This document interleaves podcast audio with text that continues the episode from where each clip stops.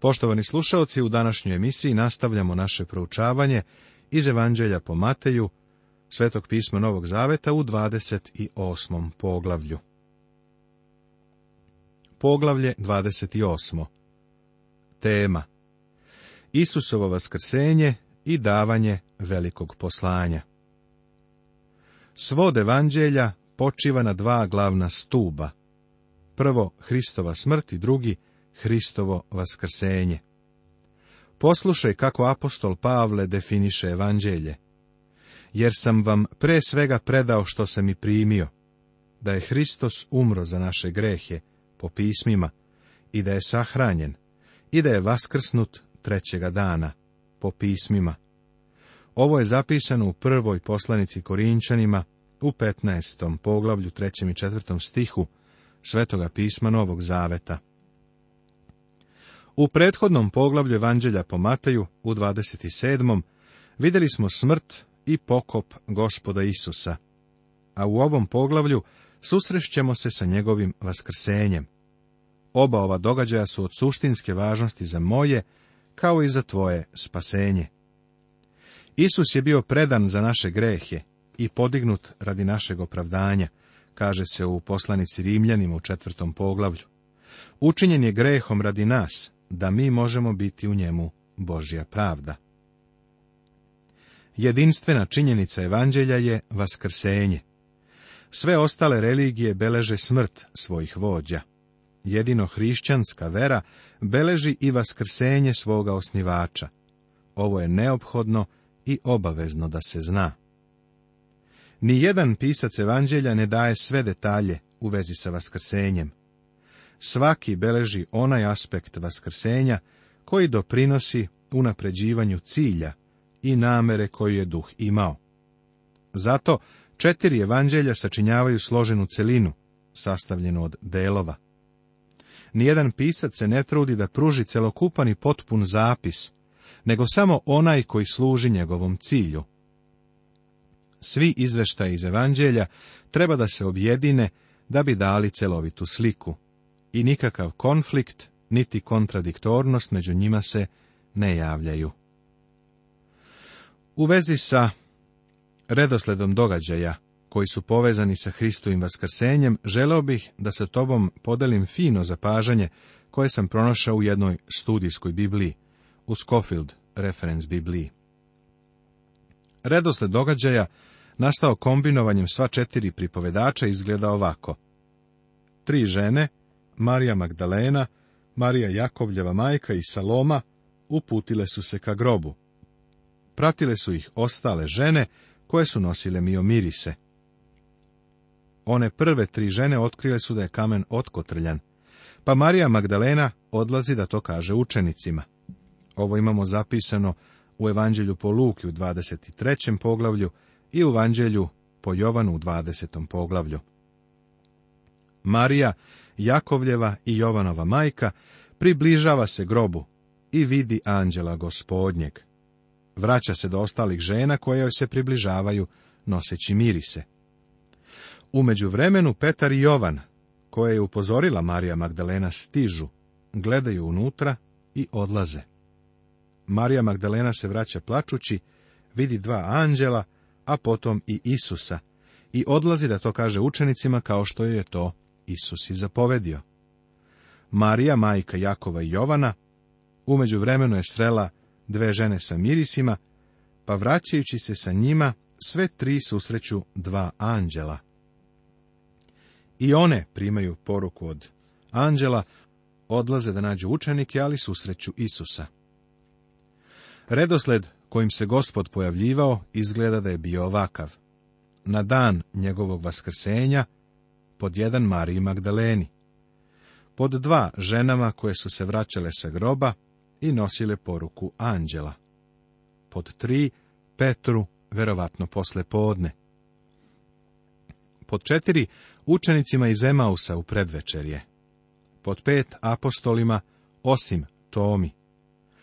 Posle osam dana prvo apostolima, tada je prisutan i Toma, onda u Galileji sedmorici pored Tiberijskog mora, zatim na brdu, apostolima i grupi od pet stotina braće, i onda ponovo u Jerusalimu i Vitaniji, prvo Jakovu, pa zatim jedanaestorici, pa zatim Pavlu, blizu Damaska, pa onda u hramu i onda Stefanu, izvan Jerusalima i na kraju Jovanu na ostravu Patmos.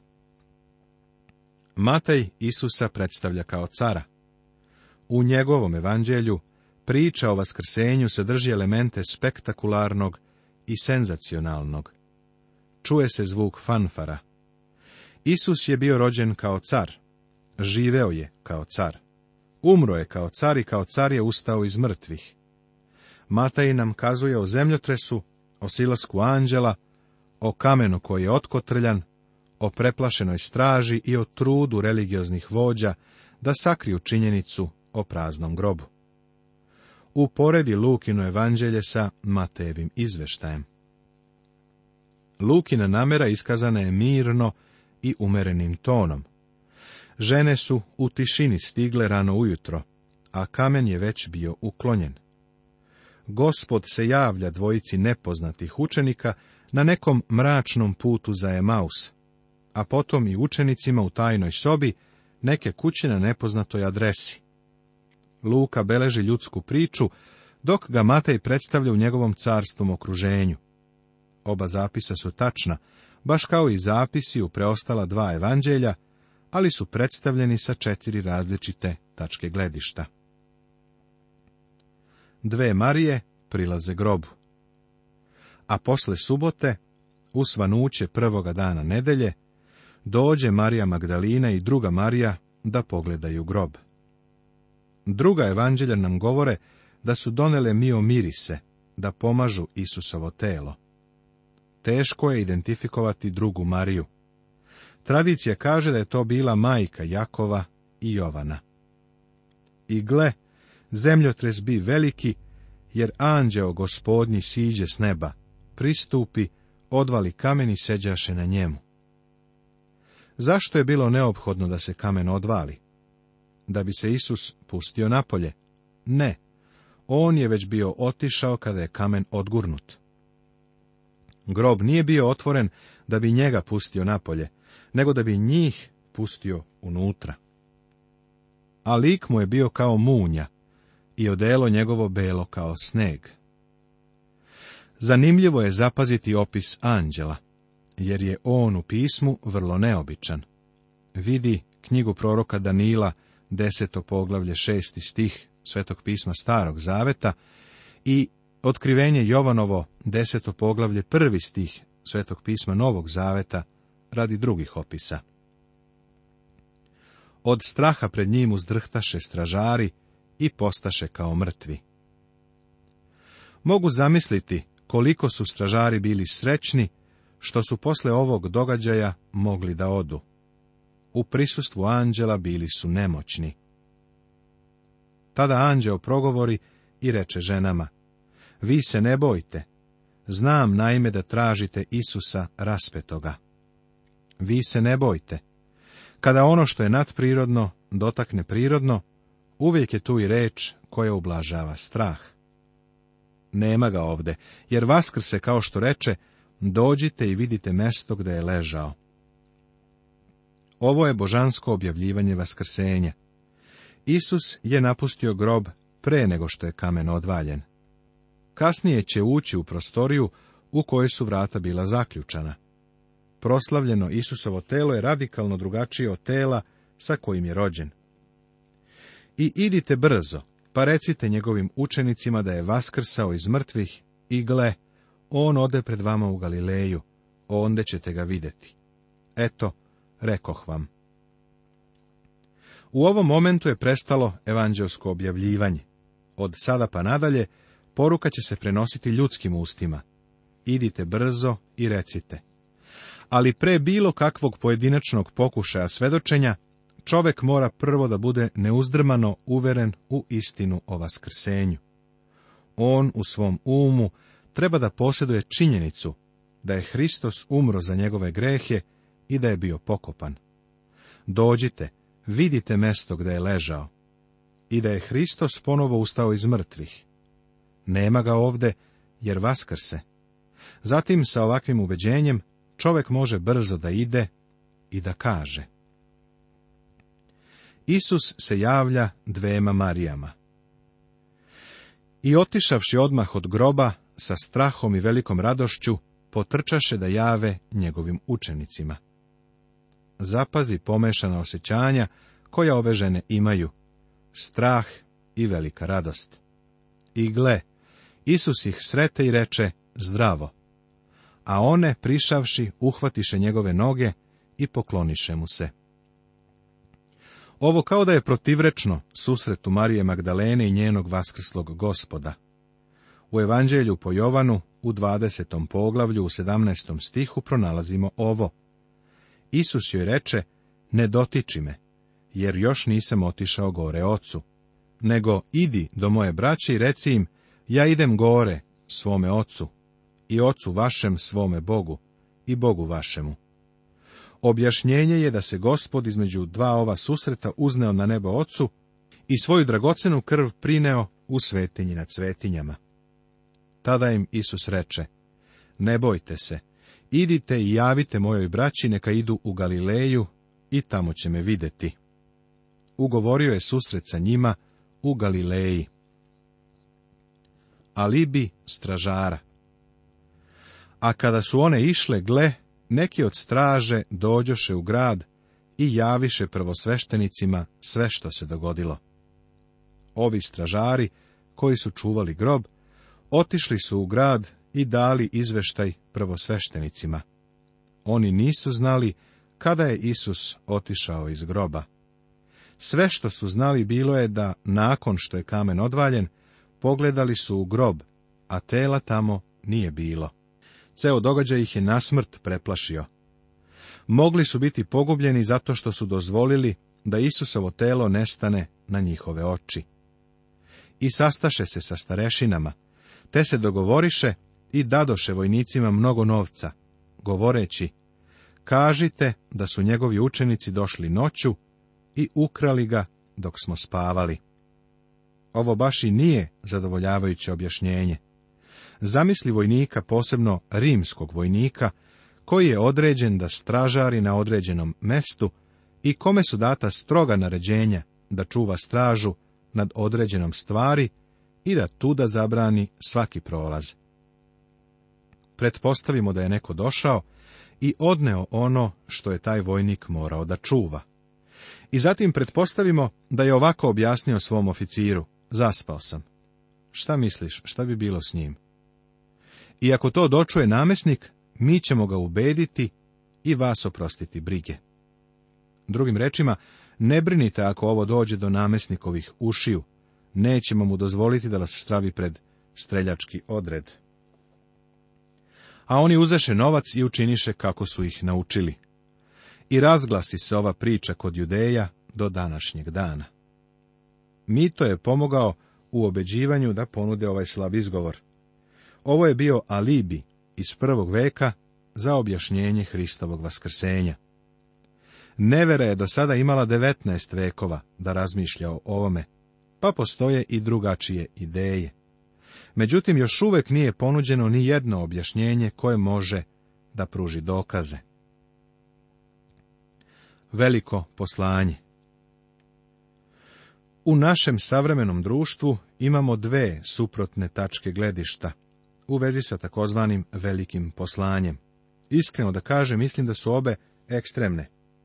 Gospodnje poslanje koje je on uputio svojim učenicima, onako kako ga Mata i beleži, izvor je kontroverze.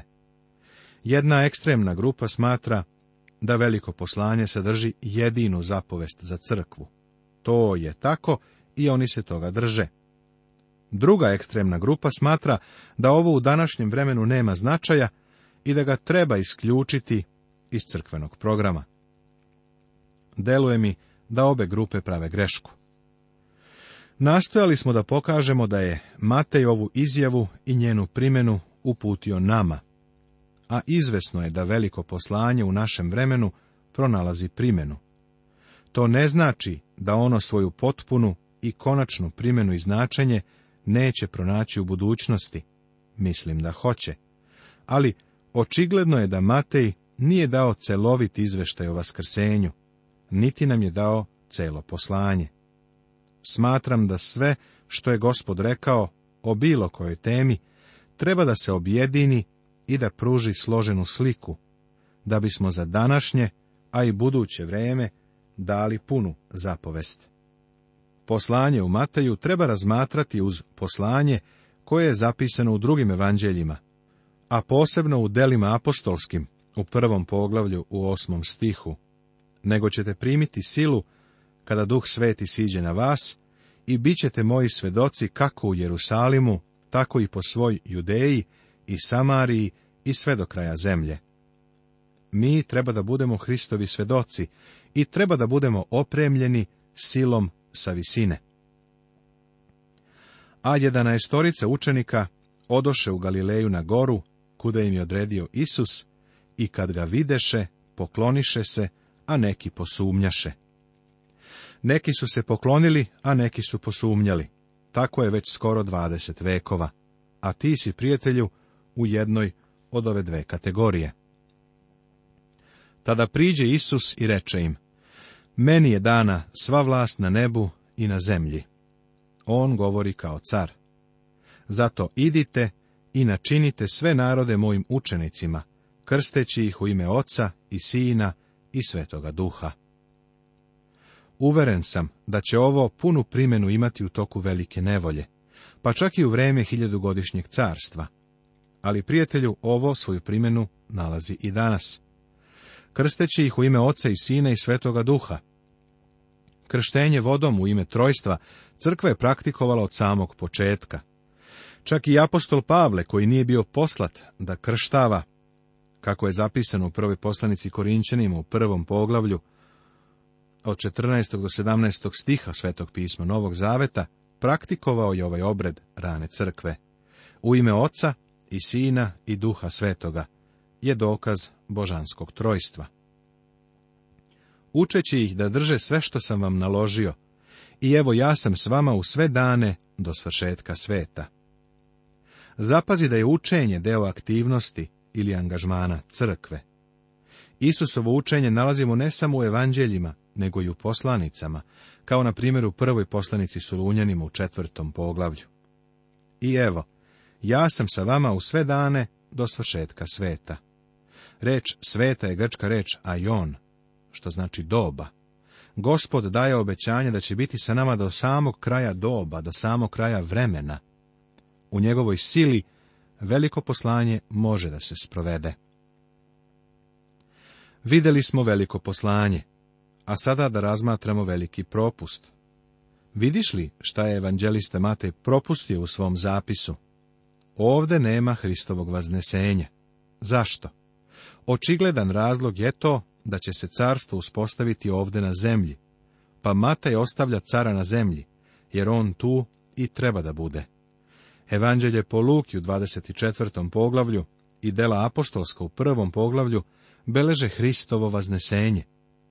U vreme uzdignuća crkve, gospod Isus će uzeti svoje k sebi, a za taj događaj vaznesenje je ključni elemenat.